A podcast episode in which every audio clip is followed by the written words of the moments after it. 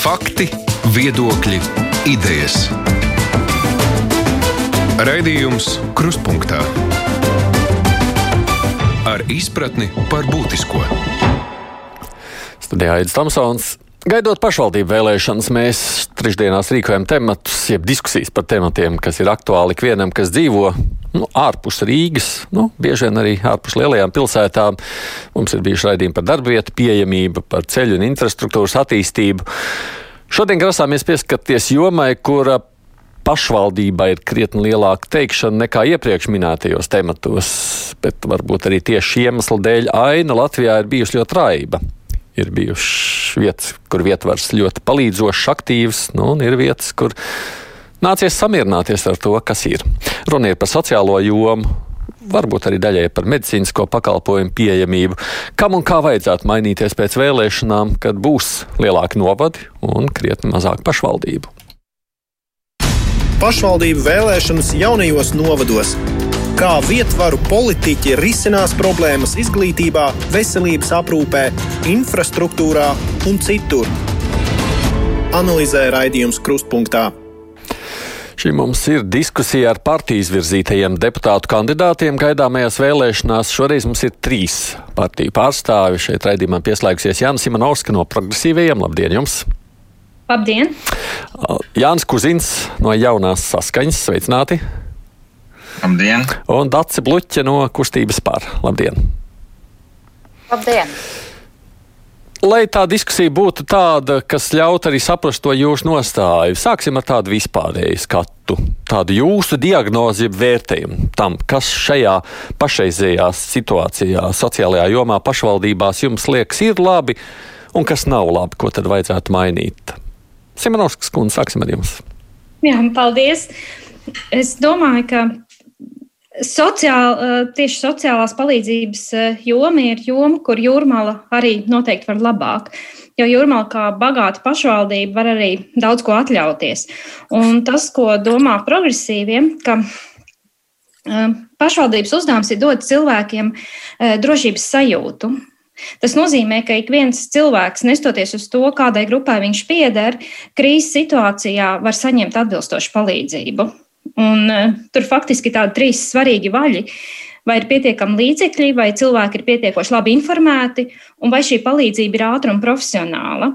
Un te man jāsaka, ka te ir iespējami uzlabojumi, jo mēs zinām, ka jūrmalā ir ļoti plaša pabalstu pro, m, programma, bet tajā situācijā, kad cilvēks ir krīzes brīdī, nu, arī man personīgā pieredze ir tāda, ka nu, ir ļoti grūti atrast pirmkārt informāciju. Jūs gribētu teikt, ka pašvaldībām būtu jākļūst uh, uh, spējīgākām reaģēt uz individuāliem gadījumiem?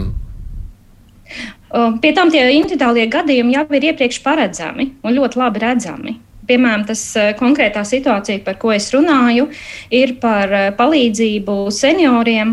Un, piemēram, jautājums ir par medicīniskos palīdzības pieejamību senioriem. Un te ir ļoti grūti, un, lai gan tas ir arī valsts uzdevums par medicīnisko palīdzību, jautājums, ko var darīt pašvaldība. Jo, piemēram, ar senioriem ir tā, ka ne visi ģimenes ārsti dodas mājas vizītēs. Tas nozīmē, ja senioram ir piemēram, kustību traucējumi, ierobežojumi. Viņš var vispār ļoti ilgstoši ārstu pat neredzēt, jo viņš nevar nokļūt līdz iestādēji. Nākamais jautājums, kas notiek ar viņu aizved uz slimnīcu. Diemžēl arī slimnīcās eh, nereti šos seniorus ātri, ārā izraksta ļoti ātri. Viņi atkal nesaņem faktiski nekādu palīdzību ar ierakstu, ka ir nepieciešams ambulatorās konsultācijas. Un atkal, ja mēs runājam par senioru ar kustību traucējumiem, un ārsts pie viņa uz mājām nenāk, kādas ambulatorās konsultācijas viņš tagad saņems. Nu, tā ir ļoti liela problēma, un pie tam mums jūrmalā ir 23% iedzīvotāju ir eh, pēc darbspējīgā vecuma. Tā, tā ir ļoti, ļoti aktuāla lieta, kas faktiski var būt aktuāla. Nu, nu, labi, vecumā. kāds ir tas jūsu piedāvājums tajā visā stāstā būt? Ko tad lietas labā var darīt? Un, Pirmkārt, par to, par to mediķu pieejamību. Tas, man liekas, tur ir jāstrādā valstīm kopā, eh, pašvaldībām kopā ar valsti, skatoties, kā mēs varam garantēt, ka ģimenes ārsts tomēr nodrošina to palīdzību arī mājas vizītēs. Un tur arī pašvaldībām ir iespēja, piemēram, atbalsts doktorātiem Um, arī var piedāvāt mm, doktorātiem, kas tiešām dodas mājas vizītēs, ka pašvaldība uh, var arī, es domāju, es nezinu, varbūt jāprasa arī citiem um, izlīdzēt ar transporta uh, līdzekļiem, tā lai tas seniors to palīdzību saņemtu tiešām tajā vietā. Un otrs ir jautājums arī par profesionālu palīdzību, jo ar senioriem ir, nu, bērniem ir pediatri. Diemžēl, kad es arī pati meklēju, man bija vecmāmiņa, nevar atrast cilvēku, kas sniegtu palīdzību tieši senioriem. Kas būtu specializējies šajos jautājumos. Tad jūs uz visu to lietu skatāties caur savu personisko pieredzi. Jums vecmāmiņa, tad jūs zināt, ko vajadzētu lietas labā darīt. Jā, es to saskāros tieši caur personīgo pieredzi, uh, jo līdz tam brīdim es redzēju, ka viss ir ļoti skaisti un idylliski patiešām. Un tajā brīdī, kad tu esi tajā situācijā un tu ej tam cauri, tad tu arī daudz labāk redzi, ka tā sistēma īstenībā nestrādā. Tas vienmēr būtu labi. Pluķis kundze, skatoties uz visu, kas notiek sociālajā jomā, kā jūs uz to visu raugāties?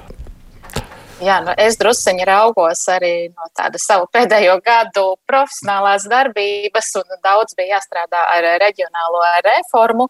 Man, gribas, man tā gribas eh, cerēt, ka reģionālā reforma, tomēr arī sociālā jomā uh, sniegs kaut kādus uzlabojumus. Un, un vēl es to skatos kontekstā ar jauno pašvaldību likumu, kurš, piemēram, uzliks par pienākumu pašvaldībām visām uh, ieviest un realizēt atskurbināšanas pakalpojumus. Un tad es varu no savas pašvaldības, es teiktu, ka tas ir pozitīvais piemērs Liepājā pirms dažiem gadiem uh, atvēra sadarbībā ar vienu nevalstisko organizāciju šos te atskurbināšanas pakalpojumu pieejamību uh, nodrošināju, un slimnīca uzreiz jūt to kā atvieglu, atvieglinājumu, ka viņi var nodarboties ar savu tiešo darbu, nevis pie viņiem naktī, naktas stundās atvēdi piedzērušos cilvēkus, un tiem ārstiem tagad tur jātiek galā, viņi uzvedas agresīvi, un, un teiksim, no tāda veselības pieejamības šis tāds jau ir uh, labs atspaids.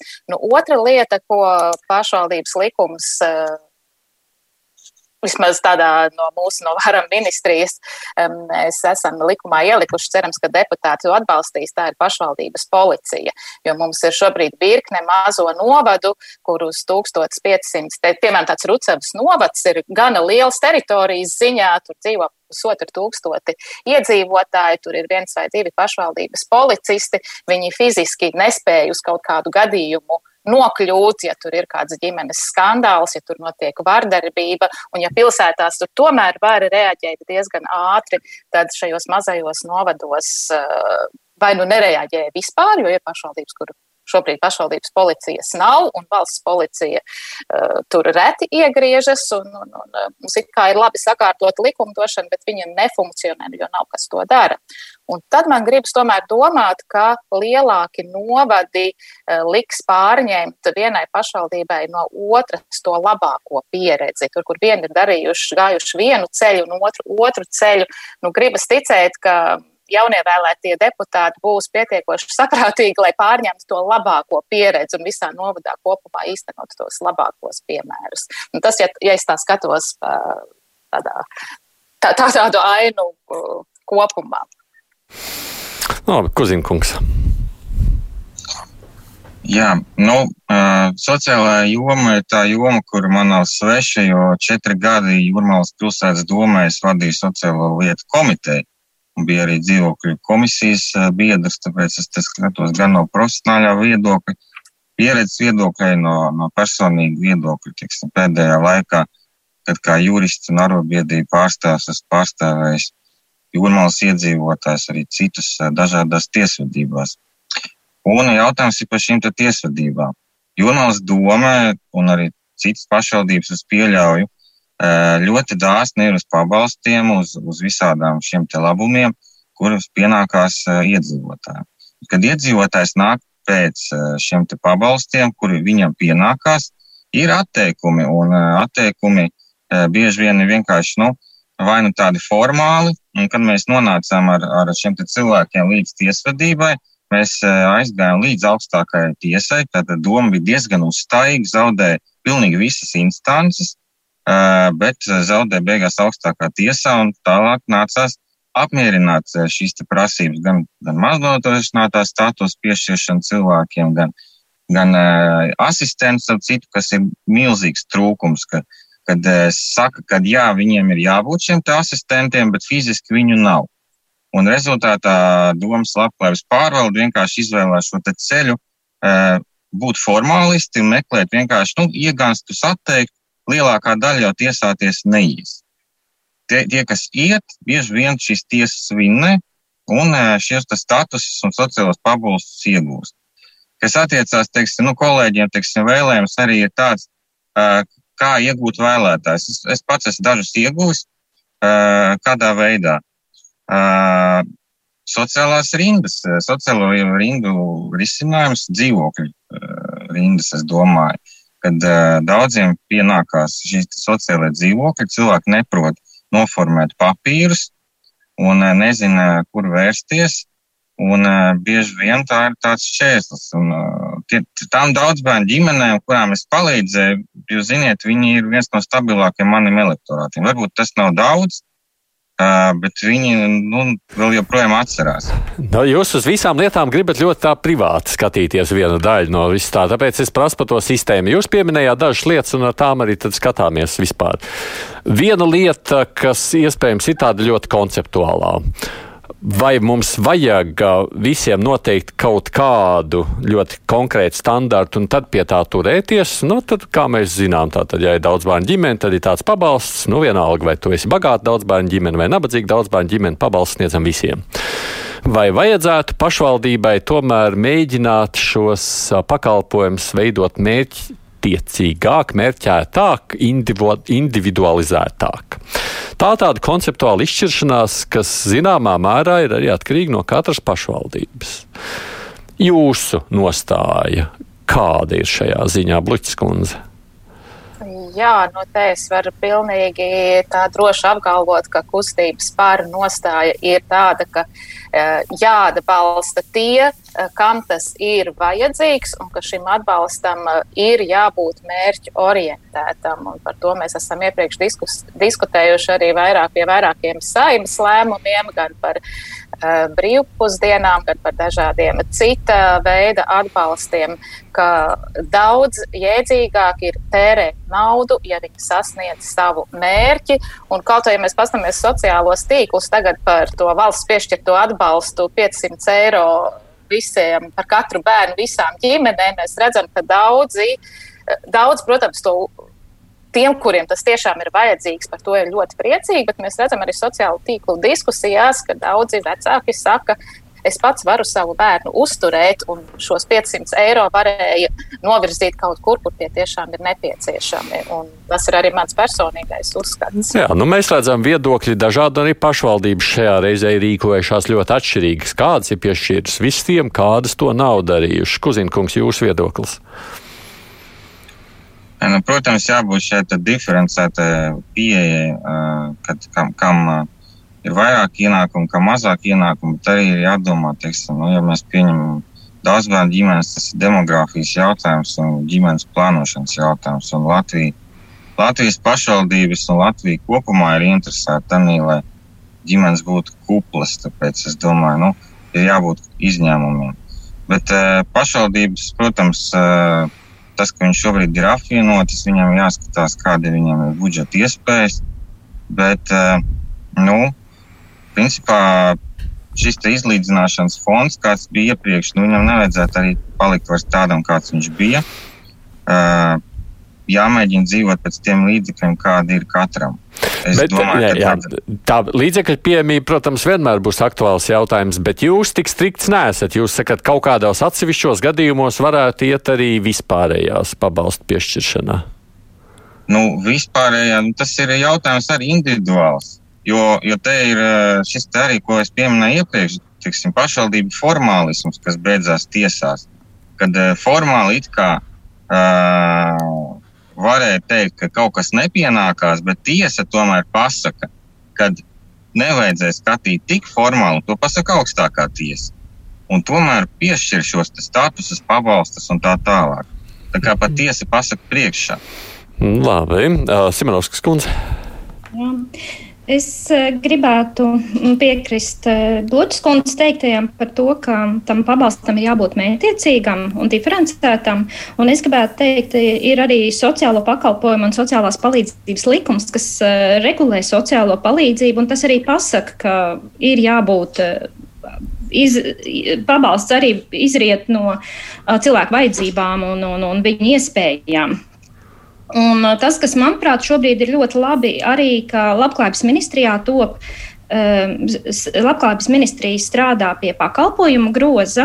Nu, cilvēkiem to var būt grūti saprast, bet tas ir tie dažāda veida pakalpojumi, ko cilvēki var saņemt uh, un ar ko viņi var rēķināties. Pilnīgi noteikti. Un es domāju, tas ir ļoti svarīgi, ka kat, ka visās pašvaldībās ir noteikta lieta, ko cilvēks var rēķināties. Ja es nokļūstu tādā situācijā, es uz to varu paļauties un to varu saņemt. Un man liekas, tas, ko minēja Kozina kungs, tie gadījumi par to, ka atsaka mm, formāli iemeslu pēc. Un, diemžēl runāt ar cilvēkiem, man ir līdzīga pieredze, ka ir tāda sajūta, ka, ka, ka šie uh, cilvēki, kas atbild par, par, uh, par sociālās palīdzības organizēšanu, izmanto iespējas to atteikt. Un tas man liekas, ir ļoti, ļoti slikti. Jo cilvēkam ir vajadzīga drošības sajūta, un arī cilvēki nepārāk, nevienam nepatīk lūgt. Ja? Vairums cilvēku pēc palīdzības, viņiem ir grūti pārkāpt sliekslim pāri, lai vispār grieztos pie palīdzības. Nu, kādi dažādi cilvēki gan jāatzīst? Jā, bet tas ir atkal runāt par, tas nenosaka, ka viņiem šī palīdzība nav nepieciešama. Un līdz ar to tā tas, kā attieksme ir pretim nākoša, un tas, ka cilvēks griežoties pēc palīdzības, zina, ka ja viņš atbilst noteiktiem kritērijiem, ka viņš to var saņemt, un informācijas pieejamība. Un te es domāju, ļoti daudz jāstrādā tieši pašvaldības līmenī, kā nodrošināt, lai cilvēks saņem šo informāciju par to, kādu palīdzību viņš var saņemt. Es varbūt arī varu pieminēt kādu piemēru. Nē, nu, tas ir skaidrs, protams. Jā, no otras puses ir cilvēki, kas vienmēr vairāk interesējas, kādi mazāk. Tas, ka pašvaldībai būtu jārūpējas, kā to informāciju nogādāt, tas jau droši vien ir aktuāls jautājums. Es iešu cauri pa nākušiem punktiem, ko jūs pieminējāt. Un otrs neapšaubām ir tas sāpīgais jautājums. Tas ir jautājums par asistentiem, par mājas aprūpi, par iespēju palīdzēt tiem, kuriem pašiem ir grūtāk. Un šī nu gan ir vieta, kur mēs redzam Latvijā ļoti raibu ainu. Ir vietas, kur tā tiek nodrošināta itin labi. Protams, viss ir atkarīgs no līdzekļu pieejamības. Ir arī ļoti bagāts pašvaldības, kur tādas nemaz nav pieejamas un kur tā nodrošināšana nav nemaz. Kādai būtu jābūt jūsuprāt, vai kā, nu, jū, jūsu versija vispār, ko darīt? Es saprotu, Kozinkungs jau te, ah, Kozinkungs man pazuda tajā brīdī, kamēr es gribēju viņam uzdot jautājumu. Blicis kundze, skatoties uz jums tādā gadījumā. Uh, ko darīt šajā situācijā vajadzētu? Jā, nu es redzu, ka tāda uh, mūsdienīga sociālā politika kā uh, asistenta pakalpojums ir kaut kur pašā augšgalā. Un, uh, varbūt ne pat tāds atsevišķa cilvēka sociālā dienestu uzmanības lokā nonākuša cilvēka asistents, bet man gribētos runāt par ģimeņu asistentiem, jo bieži vien tur ir vesels komplekts. Eh, tur varbūt sociālā dienas redzeslokā nonāk viens cilvēks, bet pēc brīža mēs redzam, tā ir ģimene, tur ir vardarbībā cietusi sieviete, tur arī cieši bērni, bērni neiet skolām, tur ir vesels komplekts. Tad šis asistents ir ļoti svarīgs, lai atveseļotu ģimeni, lai skatītos līdzi, kas tur notiek, pamācītu, iedvesmotu, parādītu, ka var to darīt, eh, darīt labāk. Un, uh, es uzskatu, ka uz tādu asistentu pakalpojumu var skatīties mazliet plašāk.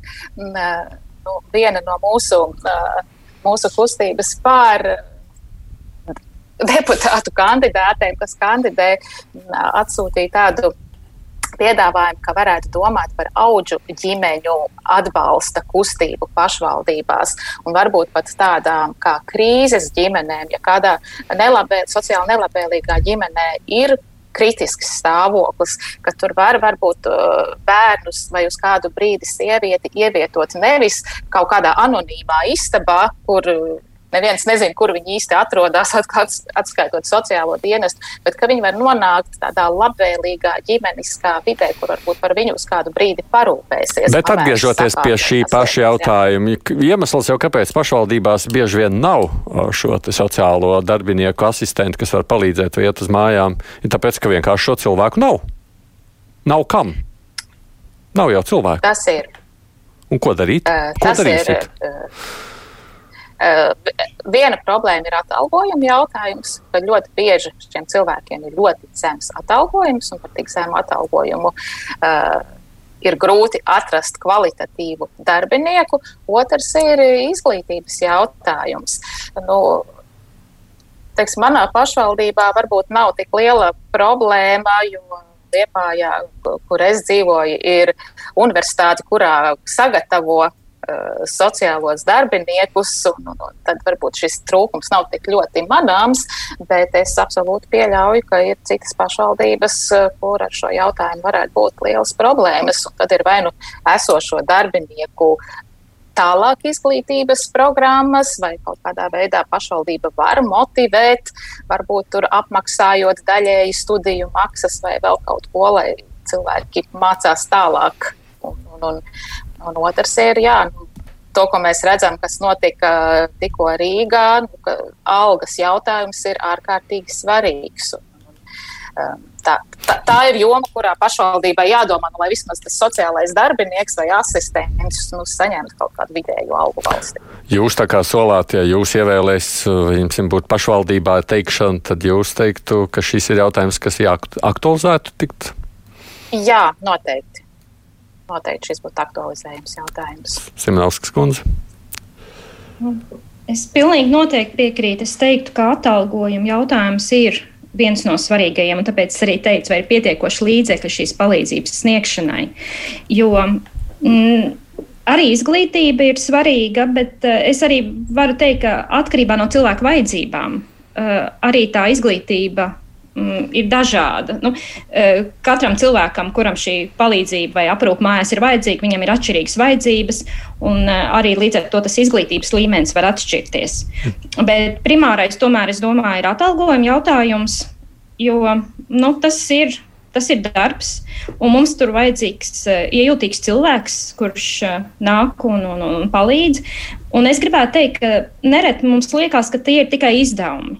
Bet tie nav tikai izdevumi, tas ir ieguldījums. Jo redziet, kas notiek, piemēram, ja ģimenē ir bērns ar īpašām vajadzībām.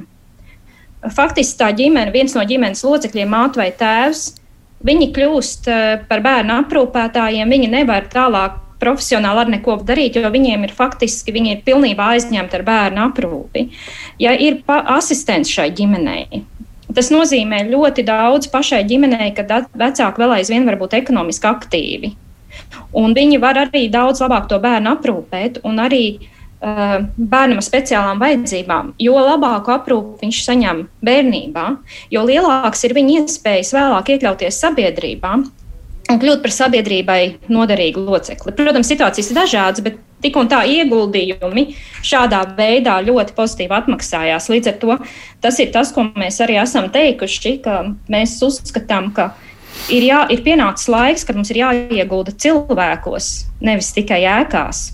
Un uh, tas, ka mums ir lab, labs atalgojums cilvēkiem, kas sniedz šos sociālos pakalpojumus, vai nu pašvaldības darbiniekiem, vai caur iepirkumu uh, piemēram, NVO, kas tādus pakalpojumus sniedz. Tas ir ļoti svarīgi. Bet nu, visbiežāk jau ir tā, ka pašvaldība jau pati šos cilvēkus nealgo. Viņa pērk ārpakalpojumu. Un nav, ka šo ārpakalpojumu piedāvā, jo nav neviena, kas varētu piedāvāt ārpakalpojumu. Ko darīt? Um. Nu, es zinu, ka ir šādi ārpakalpojumi. Nu, ka, atkarībā no kurā vietā Rīgā ir, bet ārpus Rīgas no vairs nav. Tur jau tā lieta.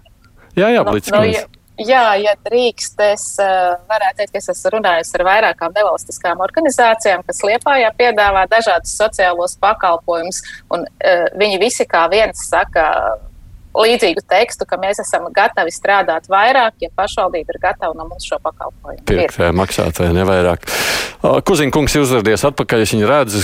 Kuzinkungs tas jautājums bija, ko tad darīt, jeb kā nodrošināt, ka šie asistenti, jeb palīgi, kas var sniegt šo palīdzību mājās patiešām vai ārpus mājas, nu, ka tādi ir, jo trūks jau cilvēku. Kāds tas jūsu piedāvājums ir? Nu, viens jau kolēģi pieminēja NVO, un NVO, protams, viens no risinājumiem, kad uh, eh, NVO, protams, arī saņem īpašu statusu sabiedrisko labumu, lai viņi varētu piedalīties šajos jautājumos, bet otrs jau ir nākts pretī pašiem uh, cilvēkiem, kam šie asistenti vajadzīgi, un bieži vien viņi vēlās sev, nu, algot sev tūs cilvēkus, vienkārši lai šiem tuviem cilvēkiem būtu kāds atalgojums, lai viņiem nu, no darba brīvā laikā, nu, vai arī viņi apvieno to ar darbu kā ko citu, viņi varētu nu, kaut kā šīs stundas, lai viņam kāds apmaksā. Viņi veic šis asistentu pakalpojums sev radiniekam vai tā tālāk. Nu, nu, tā nav jākautrējas, tā praksa pastāv, ka radinieki bieži vien ir šie asistenti. Un, nu, nevajag izlikties, ka tas tā nav. Un arī vajag palīdzēt faktiski šiem cilvēkiem. Nu, lai viņi var atbrīvoties no darba, varbūt viņi var strādāt ar saviem tuviniekiem puslodzi. Tad viņi zina, ka valsts vai pašvaldība dod otru šo puslodzi. Nu, varbūt mazāku, bet uh, vismaz kaut kādu naudu. Jūs arī esat par to, ja būs teikšana tālāk pašvaldībā aktualizēt jautājumu par šīs naudas līdzekļu palielināšanu budžetā tieši šajā sfērā? Nu, ir asistenta trūkums, un tas skaidrs, ka vajag, un arī vajag pārskatīt no, noteikumus, lai nu, tas nav tik sarežģīti. Un, kad, nu, te nav jāskatās uz kādiem interešu konfliktiem, kas, kas var rasties, ja tie, piemēram, radinieks. Jo radinieks taut labāk zina, kas ir šim viņa tuviniekam. Es atgādinu, šī mums ir saruna ar trim deputātu kandidātiem no trim dažādām partijām. Jānis Simonovs no progresīvajiem, Dats Bluķi no kustības pār un Jānis Kuzins no jaunās saskaņas par sociālo jomu runājam. Raidījums Krustpunktā. Bērns, jūs jau te vairāk pieminējāt, ģimenes ar bērniem, protams, vienmēr ir likušās būtisks arī vietējām pašvaldībām. Tajā pašā laikā arī šeit politika ir bijusi ļoti atšķirīga dažādām, dažādām pašvaldībām. Kas ir jūsuprāt prioritātes, ja mēs runājam par palīdzību ģimenēm ar bērniem? Kuriem vajadzētu palīdzēt, jūsuprāt, un kādā veidā vajadzētu palīdzēt Simonovskas kundze? Um. Es domāju, ka mm, ģimenēm ar bērniem. Jā, tas uh, faktiski neietilpst uh, sociālās uh, palīdzības jomā, bet um, tas, kas viņiem ir ļoti svarīgi, protams, ir bērnu izglītība. Līdz ar to pieejams pirmsskolas, un to es noteikti ierakstītu tajā jomā, kas ir, kas ir svarīga. Uh, un otrs, tāpat mēs runājam, uh, piemēram, Jūrmalā. Mm, ir ļoti laba praksa, ka visiem bērniem pirmskolās un uh, skolās ir um, brīvpusdienas, to pieskaita pie izglītības iegu, uh, ieguldījumu, bet es uzskatu, ka tas īstenībā ir sociālais ieguldījums, jo tas tiešām nodrošina visiem bērniem saņemt mērķiecīgu um, pabalstu. Uh, un tas, ko es domāju, es esmu daudz sadarbojusies arī ar um, organizācijām, kas pārstāv bērnus ar īpašām vajadzībām, šī ir viena no ļoti smagām tēmām Latvijā. Un, nu, viens ir tas asistenta pakalpojums, otrs ir izglītības uh, iespējas, un tas ir tas ir vesels komplekss solis, jo te ir jautājums arī par to, cik skola ir spējīga strādāt ar šādiem bērniem un eh, vai skolai ir visi pieejamie resursi. Nu, par un... izglītību mums būs atsevišķa diskusija, tāpēc šo es neturpināšu. Bet, ja runājam par sociālo atbalstu ģimenēm ar bērniem, nu labi, jūs teicāt brīvpusdienas, bet nu, droši vien, ka ne jau tikai.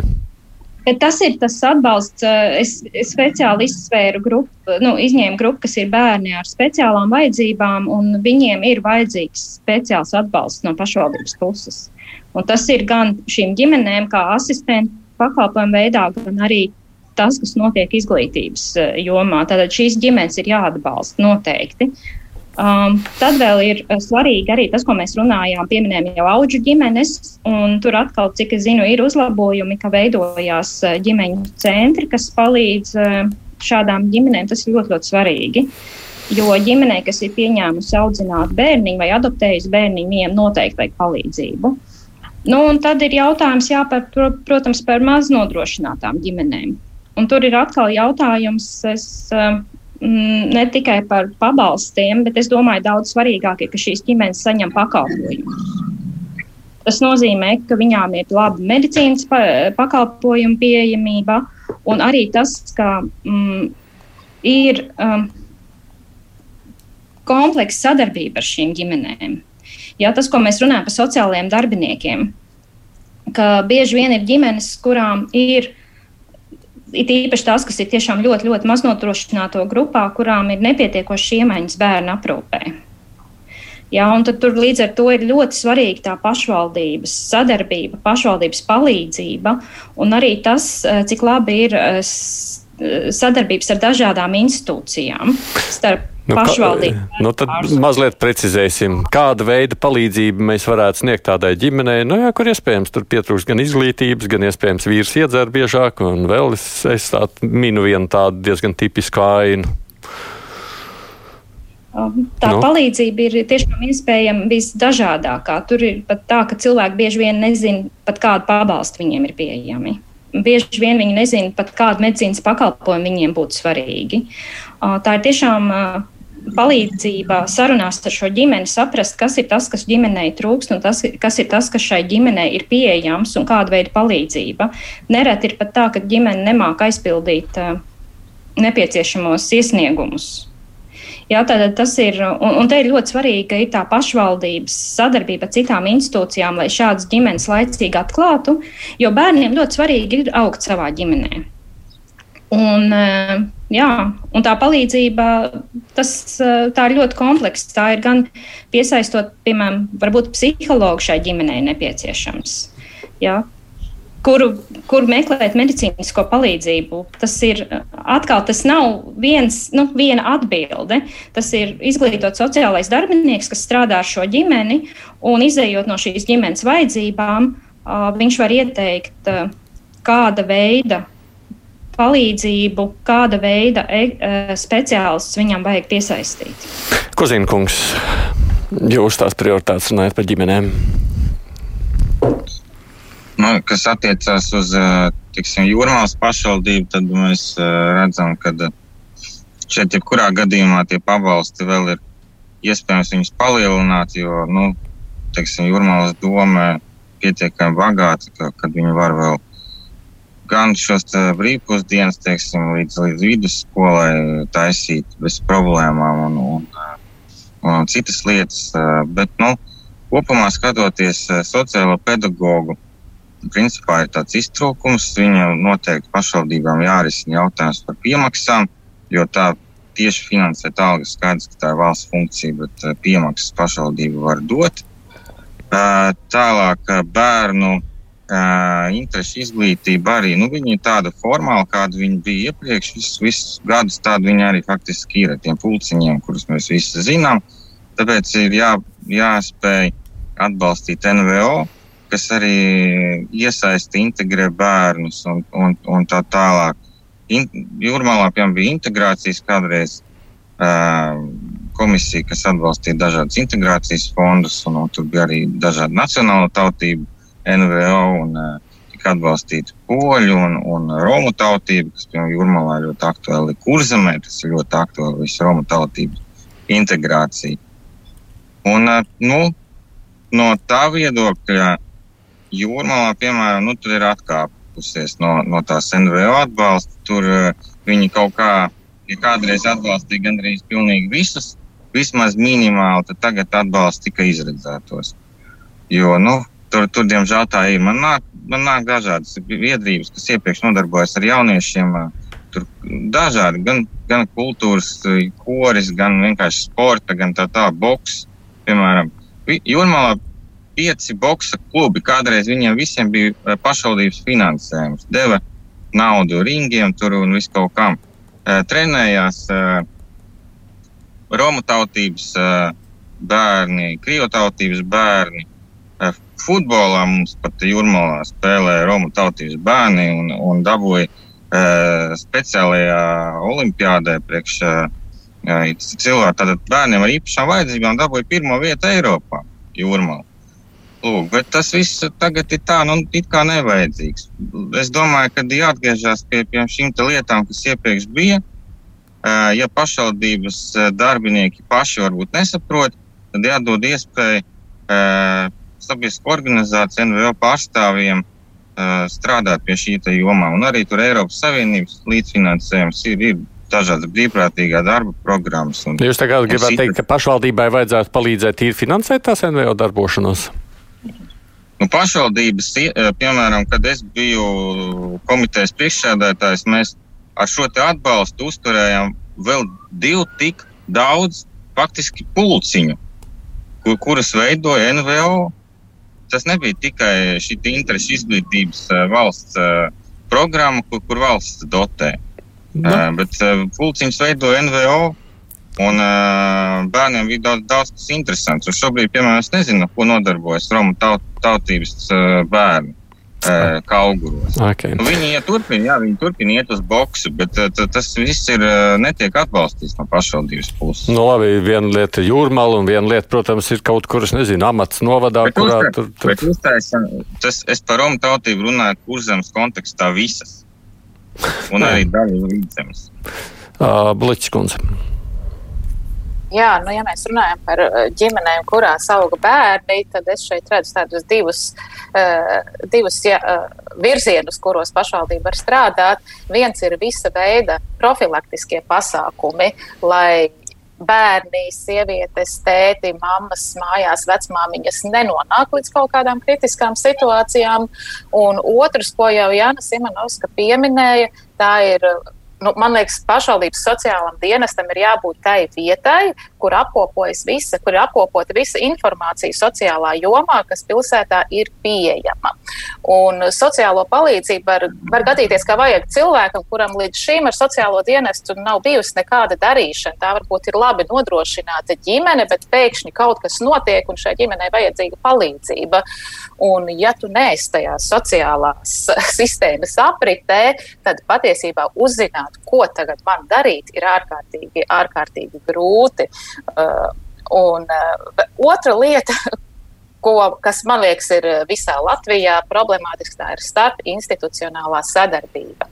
Uh, ja mums ir, uh, es teiktu, tādā, tādā virzienā, ka tas, kurš pirmais pamana, vai ka ģimenē ir problēma, vai tas ir skolotājs, vai pulciņa vadītājs, vai kaimiņš, draugs vai darba kolēģis, ka viņam, ja viņš mana, ka šī ģimenē ir kāda problēma, ka ir kaut kāda skaidra matrica, skaidrs plāns, kur man vērsties, lai es varu palīdzēt, nevis tagad gadiem skatīties aizdomīgi un domāt, ka varbūt šī ģimenē ir problēma, un tad jau notiek kaut kas ne, neatgriezenisks.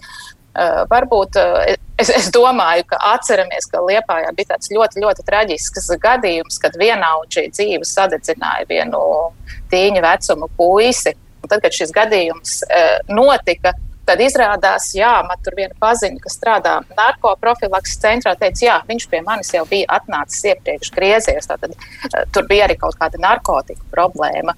Un, ja uzdod es tagad priekšvēlēšana laikā esmu aprunājusies ar vairākiem skolu direktoriem, prasot, nu, ja jūs redzat, eh, ka ar šo bērnu kaut kas eh, pēkšņi notiek nepārāk labi, Eh, tad tas, ko liepājas kontekstā man atbild, jā, mums ir ļoti izsmalcināta vēstuļu rakstīšana starp dažādām institūcijām, bet šai vēstuļu rak... šai sadarbībai vajadzētu būt nevis uz papīru, skaistu vēstuļu rakstīšanā, atsaucoties uz dažādiem likuma pantiem un noteikumiem, bet praktiskā darbā. Nu, lai nav gluži tā, ka eh, pasaka, ziniet, jā, man piecos darbs beidzās, sešos es vairs pie ģimenes uz mājām neju, bet es biju aizgājis divos, un tur neviens mājās nebija. Nu, tādā veidā mums tas sociālais darbs nebūs mērķtiecīgs. Cilvēks strādā, viņam maksā, bet rezultātus šīs darbs nevienmēr sasniedz. Uh, jūs domājat, veidot tādu komisiju, kas, kurā strādā dažādu nozaru pārstāvji? Nu, droši vien ir jāizveido e, es, nu, tas, ko es redzu savā pašvaldībā, ka būtu jēga izveidot sistēmu, nu, ka tas skolotājs zina, ka es manot, e, ka kaut kas nav kārtībā, tad es griežos vai nu sociālā dienestā, vai bāriņtiesā, vai vēl kādā dienestā, un ka šo jautājumu skata kompleksi. Nevis uzrakst vēstuli, jā, šis diemžēl nav mūsu kompetencija, griezieties tur, tad direktors griežas citur, un tur atkal viņiem saka, ziniet, jā, nu, šī tomēr nav gluži mūsu specifika, griezieties tur. Un tikmēr jau nu, tā, nu, tās lietas iet uz priekšu, nepārāk labās. Vienmēr, kad runājam par sociālo jomu, protams, nu, tā ir skaidrs, ka tā ir joma, kas ņem naudu. Tā tas ir lielākoties ir, jā, kur ir jautājums, kur to naudu ņemt. Mūžīgi, mūžīgi tas otrs jautājums, un tas nav šīs dienas diskusijas temats. Bet tajā pašā laikā, ja parunā ļaudīm, tad viņiem reizēm šķiet, ka varbūt kaut kur varētu to naudu netērēt un ieguldīt kaut kur citur efektīvāk. Vai jūs redzat kaut ko no sociālās sfēras, kurā jūs teiktu, nu, vai nu šo pakalpojumu, vai šo naudu varētu tomēr novirzīt citu vietu labāk? Ko zina kungs? Uh, jā, nu, ja piemēram skatās jūrmālas domas uh, budžeta sadaļu un arī pašvaldībās citās ir tāds grēks, lielos būvniecības objektus ielikt, nezinu kāpēc, kaut kādā attīstības blokā. Lai gan par to vairāk vajadzētu domāt, teiks, nu, kādā atbildīgā attīstības departamentam, piesaistot Eiropas līdzekļus, un tikai tad jau mēs varam domāt par kaut kādu šo attīstību. Bet uh, jūrmalā, nu, viss tiek tērēts no šīs attīstības naudas lielai būvniecības projektiem. Piemēram, Kauguros top skaists parks, Par, par. Nē, jūs man nesapratāt. Es jautāju šoreiz ne par naudu un budžetu vispār. Es jautāju par naudu, kas tiek lietot sociālā jomā vai sociālās palīdzības sfērā. Vai tur jūs redzat kādu pakalpojumu, kur varētu mazināt vai, vai, vai pārvirzīt naudu labāk, efektīvi citur? Nu, sociālā joma nav tik uh, liela, liels teiksim, izdevumu sloks, un nu, tur, tur vairs nav ko pārvirzīt. Drīzāk jāskatās uz cit, citas lietas, piemēram, pašvaldības izlīdzināšanas fonds. Jūrmala, Rīga, Jēlgava, Daugavpils turpina maksāt. Šī ne, tā ir cita opera. Jā, es jautāju par sociālo. Es šoreiz par budžetu nerunāšu. Es skatos no, no, no tām sarunām, kādas mums ir bijušas, kādreiz saka, jā, redzi, te ir cilvēki, pieņemsim dzērāji, tur pulcējās, viņiem iedot sociālo dzīvokli. Katru mēnesi pašvaldība dod tur pabalsts. Viņiem ir labi, kamēr tur lūk tie, kas tur cenšas un strādā, kaut kā ģimene netiek un nevar galvas savilkt kopā. Sakot, nav taisnīgi sadalīt naudu. Pašvaldība tur palīdz tiem, kam nevajag, un tiem, kam vajag palīdzēt, tiem nepalīdz līdz. Jūs tādu jomu neredzat. Blitz... Nē, nē nu, es teiktu tā, ka uh, likumā jau ir tā, ka prioritāte, piemēram, ir dot dzīvokļus cilvēkiem, kas iziet no cietumvietām. Nu, labi, varbūt izvērtēsim šos cilvēkus. Varbūt nu, tā saprast, varbūt viņi var īrēt, varbūt nevar īrēt, vai, vai ko. Bieži vien arī šie cilvēki atgriežas cietumvietās, izmanto šos dzīvokļus, pastrādā noziegums un atgriežas cietumvietās. Nu, bet tas ir valsts funkcija, tas likums jāmaina. Pašvaldība jau to nevar ietekmēt, kam prioritāti dod dzīvo. Mm, Diemžēl ģimenes ir trešajā rindā. Tā ģimenes nav pirmā rindā, kas var maksāt. Blitskundze, jūs skatāt uz šo Nu, jā, es piekrītu Kuzinam, ka ir daudzas lietas, ko jau likumdošana regulē, kas pašvaldībai ir un kuros gadījumos ir obligāti jānodrošina. Un, un tur pašvaldības pēc sav, saviem ieskatiem īsti vērtēt neko nevar. Bet tas, ko es redzu savā liepājas pašvaldībā, ka ir lietas, kur līdzekļus var tērēt efektīvāk, lai sociālā palīdzība nebūtu tik daudz. Nu, nu, lai viņi sasniegtu to mērķi tādu, ka cilvēks pats var nostāties uz kājām un nekļūt par tādu atkarīgu no sociāliem pabalstiem. Un to gan pašvaldība var pārorganizējot savu sociālo darbu, darīt. Un tad jau mēs ilgākā termiņā redzam, vai tas ietaupa līdzekļus, kurus var tērēt savādāk vai nē. Un uh, vēl viena joma, kurā es redzu, uh, ka sadarbība ar nevalstiskām organizācijām vien bieži vien mērķis sasniedz efektīvāk par mazāk, mazāku finansējumu. Jo nevalstiskās organizācijas, vismaz tās, kuras strādā ļoti nopietni un profesionāli ar dažādiem sociālajiem pakalpojumiem, viņiem ir savas ziedojuma mākšanas programmas. Viņas ļoti bieži startē un uzvar arī dažādos Eiropas Savienības finansējuma konkursos. Un bieži vien no pašvaldības ir vajadzīgs līdzfinansējums, lai viņi šo pakalpojumu pašvaldībā varētu piedāvāt. Un tas nozīmē, ka pašvaldībai nav jāiepērk pakalpojums par pilnu cenu, un tas ir efektīvāk, lētāk. Un, uh, katrā ziņā es skatītos tādā virzienā, kā tādu aktīvāku sadarbību ar nevalstiskām mm, mm, Kā viena liela daļa pašvaldība gan arī šobrīd dara Simonovskas kundze. Man pašai ir ļoti grūti skatīties tieši sociālā budžeta virzienā, jo, piemēram, ja mēs paskatāmies, tur jāstāsta pašvaldībā, tomēr kāds ir budžeta sadalījums. Un, piemēram, Jūrmalā m, sociālais budžets ir šobrīd uz 7-8%, ņemot vērā to, ka sociāla aizsardzība ir tieši pašvaldības eh, tāds uzdevums, uz, kas noteikts ar likumu, es neteiktu, ka tas ir daudz atvēlēts. Līdz ar to tā nebūtu tā joma, kur es gribētu tiešām tā ļoti samazināt. Es skatītos tieši uz, uz citiem. Uh, šajā gadījumā, piemēram, tas ir par pa tām pašām milzīgām būvniecības iecerēm. Un, un tomēr, ja man jāstāsta, kas strādātu labāk, es domāju, ka nereti ir aizraušanās ar pabalstu solīšanu. Un tas ir tas, ko vēlētājs ļoti labi saprot. Nu, viņš ļoti labi saprot, ka mums iedos 100 eiro zālēm un uh, eh, 200 eiro vēl kaut kam, un tas ir viss ļoti labi. Bet manuprāt, ka šai palīdzībai tomēr jābūt mērķiecīgākai.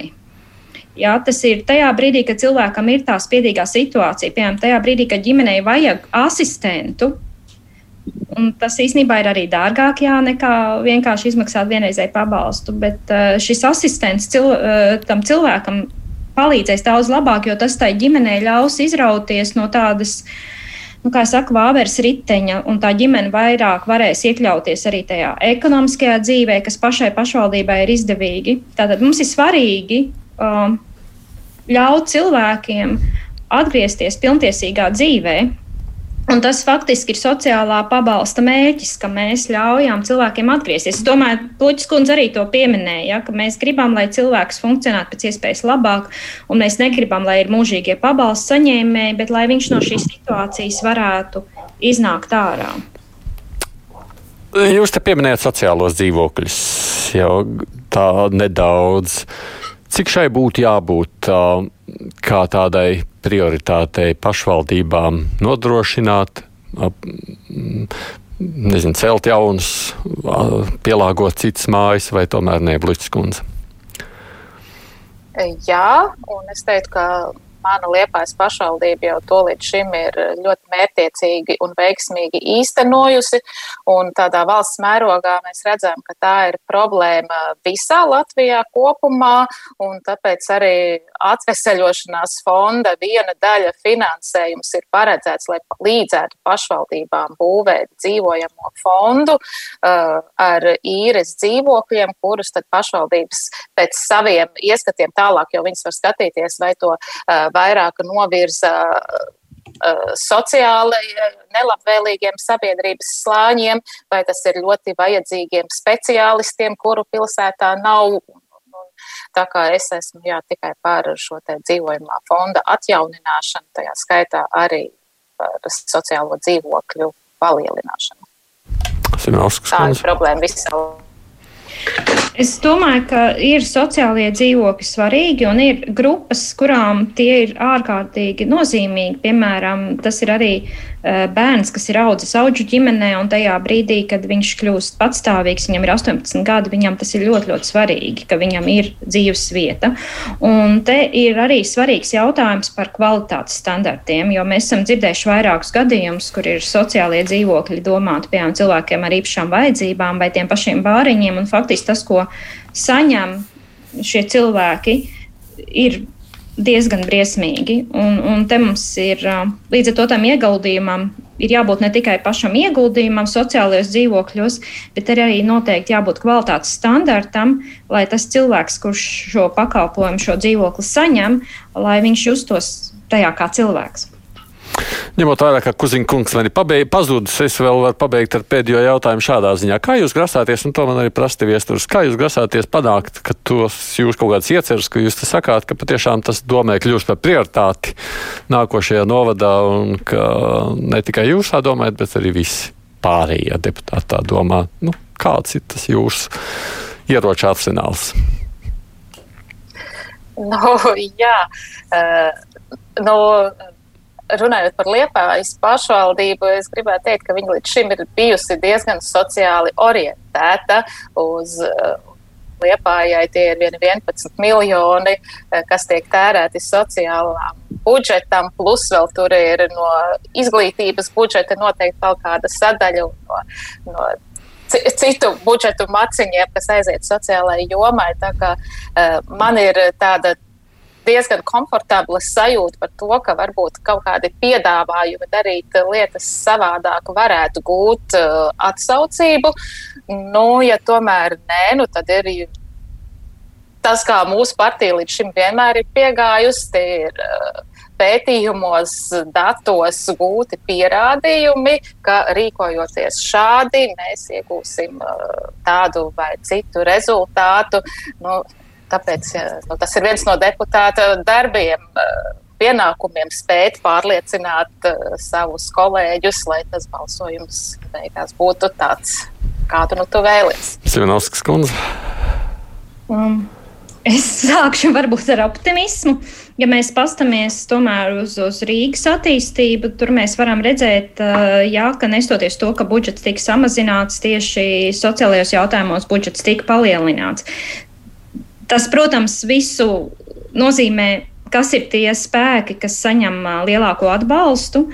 Un man ir atkal jāsaka, ja mēs paskatāmies jūrmalā, tad ļoti daudzas programmas arī jūrmalā ir salīdzinoši līdzīgas, un ļoti daudzas arī runā tieši par cilvēku vajadzībām. Otrs jautājums, protams, ir par to, kāds izveidojās spēku samērs.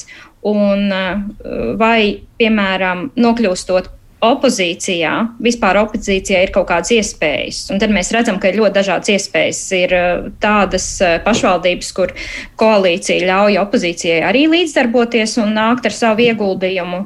Un ir arī tādas, kurš šo opozīciju izslēdz. Ir jau ļoti grūti prognozēt, kā tas notiks uz priekšu pašvaldībās.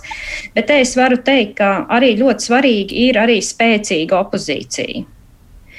Un paturpinot, tas ir tieši tas, ka ir spēcīga opozīcija, kas seko līdzi lēmumiem un eh, spēja ar sarunām, ar pārliecināšanu tomēr uh, virziet tos lēmumus uh, saprātīgā virzienā. Tātad, No nu jā, jā. Kuzina kungs, pusminūtē es prasīju, tas jautājums ir, kā pārliecināt citus deputātus, ka tas, ko jūs esat iecerējis, ka tas ir labi